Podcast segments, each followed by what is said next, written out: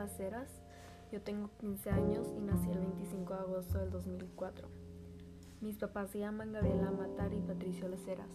Yo tengo una hermana más chica llamada Constanza, que tiene 13 años, a la cual adoro, ya que me llevo muy bien con ella. He vivido toda mi vida en Monterrey, con la excepción del año que me fui a estudiar fuera a Irlanda a una academia llamada Woodlands Academy, lo cual hasta ahora ha sido el año en el que más he crecido como persona, he hecho más amistades y más he disfrutado. Yo tengo una variedad de cosas que disfruto hacer, por ejemplo, dibujar. A mí me gusta mucho dibujar ya que me ayuda a relajarme y a distraerme. Leer, escuchar música, ver películas o series y andar en bici. Mi lugar favorito es Playa del Carmen,